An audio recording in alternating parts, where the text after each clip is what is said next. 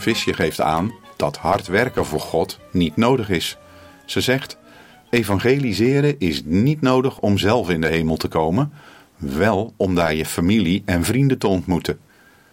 Paulus zegt daarover in Romeinen 3, vers 23 en 24: Iedereen heeft gezondigd en ontbeert de nabijheid van God.